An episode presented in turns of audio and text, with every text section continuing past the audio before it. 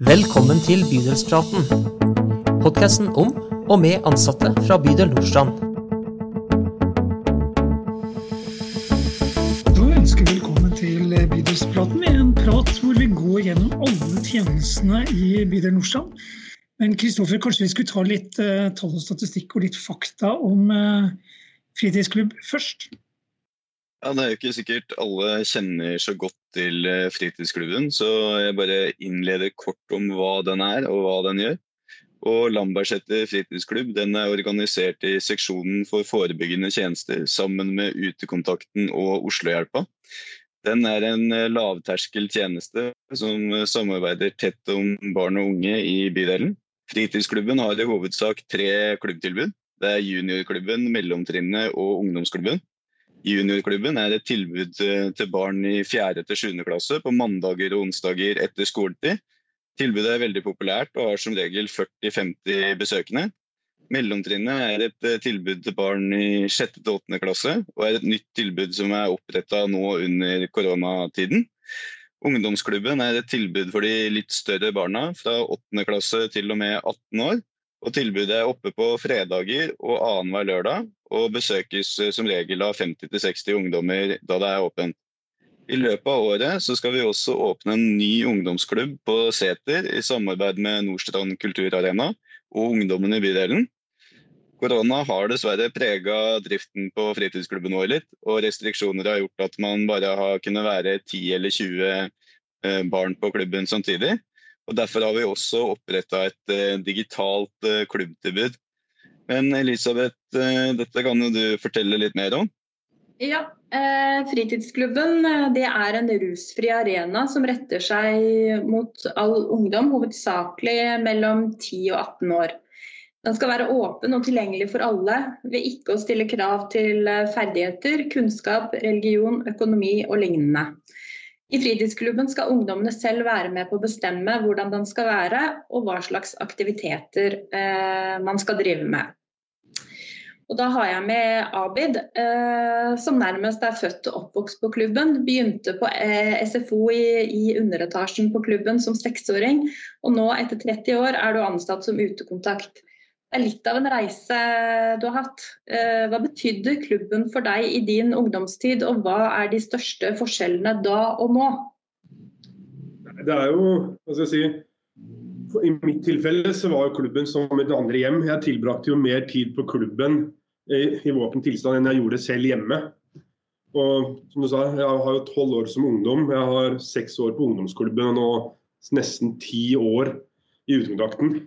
Og jeg, For meg så betydde jo lokalmiljøet mye. Jeg var jo veldig engasjert både i klubbstyret og i ungdomsrådet. Så jeg har hatt veldig mye fokus på hva som skal skje for ungdom med min oppvekst. Men og det har jeg også tatt meg videre nå i jobben, både som klubbansatt når jeg var det, og som utekontakt. Og det som gjorde at klubben betyr mye for meg, var jo der jeg fant min lidenskap for musikk. Og fant interessen min som, for, innenfor lyd, hvor jeg starta liksom å stå DJ i diskoteket. Og fikk etter det en, liksom, øynene opp for en ny verden. og Ut fra det så har jeg etablert meg som en lydtekniker hvor jeg har jobba nå i snart ja, det er også 15 år har jeg jobba som lydtekniker og reist, fått reist landet rundt Europa. Har reist som uh, artister. Så det er jo mye på vegne av at jeg starta som en DJ på ungdomsklubben. da. Og forskjellene der og nå er jo Ungdom tenker veldig mye det samme, men jeg tror man har mista litt av det ungdomsperspektivet. Jeg tror det er det som er viktig å ha fokus på nå for å få stemmen, eller få ungdommen inn igjen. For, i forhold til hva, meg, hva det betydde for meg når jeg vokste opp. Jeg hadde veldig fokus på klubb, det var det der jeg var. Og engasjerte meg. Jeg tror engasjementet er det jeg savner, som er forskjell fra min tid og nå blant ungdommer. Jeg tror, skal jeg helt ærlig, tror jeg ungdommen kan være litt mer bortskjemt nå i forhold til alt er så lett tilgjengelig i forhold til sosiale medier. Mm.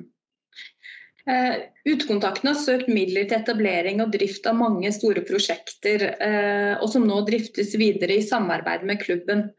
Uh, hva er du mest stolt av? Det er mye, egentlig. Hvis jeg skal kort oppsummere, er jo at klubben er jo mye mer enn en klubb. Som jeg sa tidligere, er jo at for meg så var det jo som et annet hjem, fordi det var jeg var. Men Diskosalen er jo, som jeg sa, jeg har tilbrakt mye tid der som DJ. er jo et lidenskap jeg har hatt hvor jeg har fått muligheten til å søke eksterne midler og bygge om hele klubbscena til en profesjonell standard. Og nå er vi som en miniversjon av Sentrum Scene, det er jeg jo veldig stolt av. som kan vi kan få inn ordentlig profesjonelle artister til å levere et produkt til dem da, for å kunne spille for ungdom.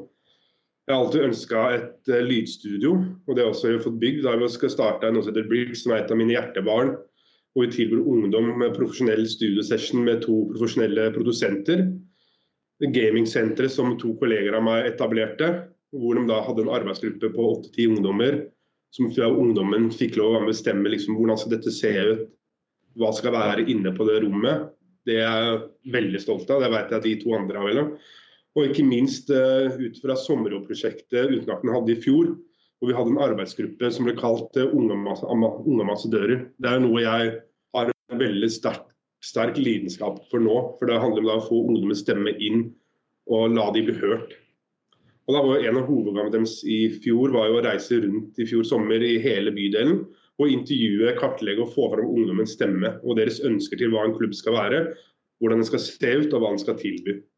Her kom det jo masse bra fram som var ekstremt nyttig for klubben. F.eks. struktur, aktiviteter, eh, hvordan skal man nå fram til ungdommen. Hvordan man skal ta, og Det endte jo med at vi sa at dere må, de så på våre sosiale medier, da, som har blitt styrt av oss litt godt voksne 30-40-åringer. som Vi har ikke den der måten å prate på som ungdommer har. Og vi ser over øyeblikket de tok over og lagde en ny Instagram-konto, så gikk jo vi fra et par følgere til å bare ha nærmere 300-400 følgere i riktig målgruppe, hvor de da bruker sin måte å prate på.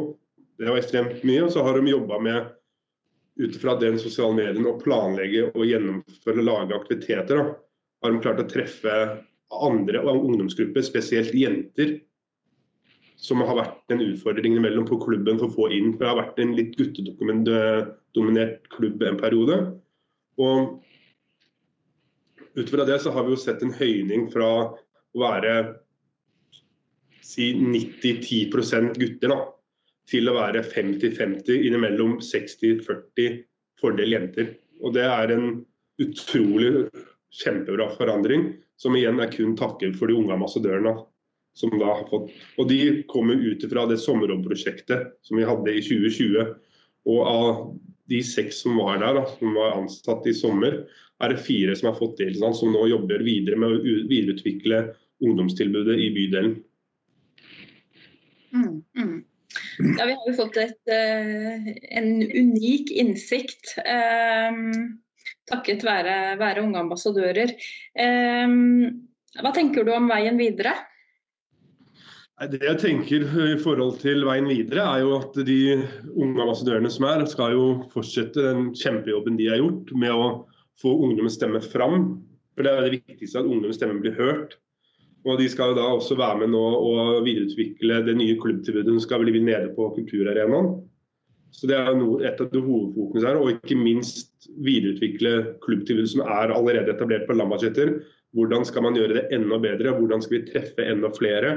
Og hvordan skal vi ja, møte ungdommen i et, med, i et klubbtilbud i år, da.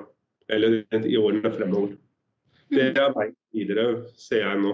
Og la de fortsette den kjempejobben de har gjort. For det er utrolig imponerende. Jeg tror ikke jeg kan poengtere det så hardt. At dere skal forstå hvor bra jobb de har gjort. Det er, så, det er gull verdt å ha de fire ungdommene inne og jobbe med å bygge engasjementet dem. Så det ser vi fra de yngre generasjonene også begynner å sniffe på liksom, at det her er spennende, det er noe vi kan være med på. Så Det er veien videre nå for klubb og flere klubber. Så flere klubber i bydelen er viktig, og hør på ungdommens stemme. Det er, vel, det er det jeg vil si som er veien videre, og videreutviklinga. Mm. Veldig bra, Abid. Eh, takk til deg. Og det her, Kristoffer, dette var jo en spennende beskrivelse både av hva en fritidsklubb er, og hvilken forskjell den gjør. Hva tenker du? Ja, jeg blir egentlig kjempeinspirert av å høre på det Abid eh, forteller.